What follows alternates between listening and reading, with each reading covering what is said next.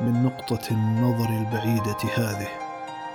قد لا تبدو للأرض أية أهمية خاصة ولكن بالنسبة لنا الأمر مختلف. أعد النظر إلى تلك النقطة. إنها هنا. إنها الوطن. إنها نحن.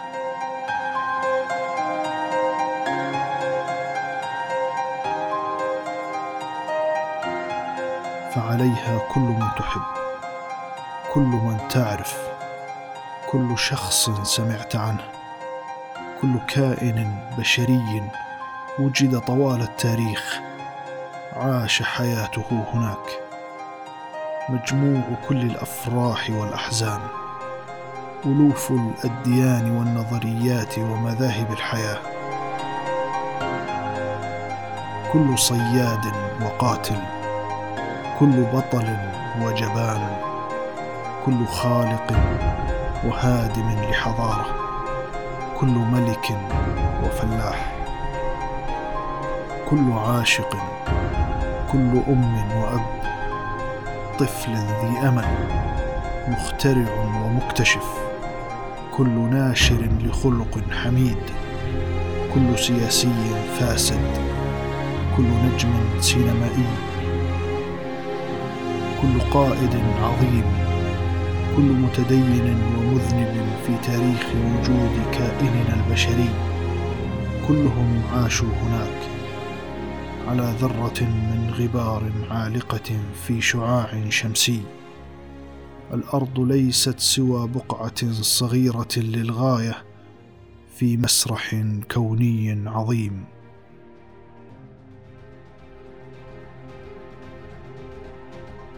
تفكر لوهلة في أنهار الدماء التي أراقها جنرالات الحرب وأباطرتها لينتصروا ويصبحوا السياده لحظيين على جزء عشري من نقطة.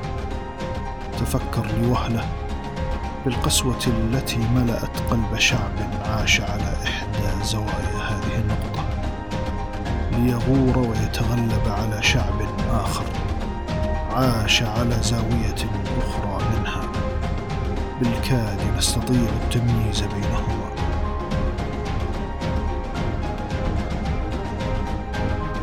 كم كان جهلهم وسوء فهمهم للآخر؟ كم كان غرورهم ليقتل أحدهم الآخر؟ كم كانت كراهيتهم الشديدة وبغضهم لبعضهم البعض؟ إن نظرتنا لأنفسنا وتخيلنا لوجود أهمية لنا نحن البشر. إن ذلك الوهم بأن لنا مكانة خاصة للاستحواذ على هذا الكون. كل تلك الأوهام تعترضها بقوة. نقطة الضوء الباهت تلك.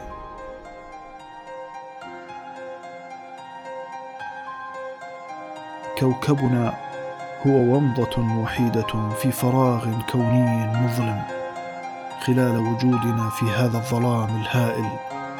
لا نمتلك لا نمتلك أي دليل بأن مساعدة ستأتي يوما من الخارج لإنقاذنا من أنفسنا.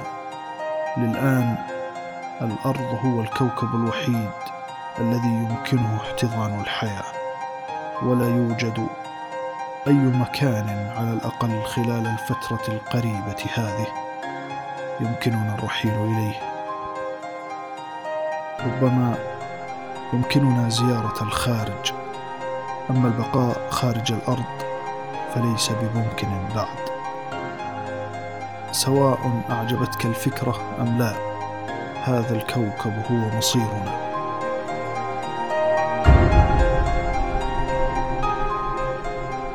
يقال إن دراسة الفضاء تعلم التواضع وتبني صورة إنسانية في دارسها. بالنسبة لي لا توجد أي طريقة لإسقاط الصورة الوهمية المرتبطة بنا كبشر. أفضل من النظر إلى هذه الصورة البعيدة لكوكبنا الأرض. بالنسبة لي أن نتعامل بشكل أكثر مودة واحتراما لبعضنا البعض. لهو مسألة تتجاوز جميع المسؤوليات وأن نحمي ونحافظ على النقطة الزرقاء الباهتة.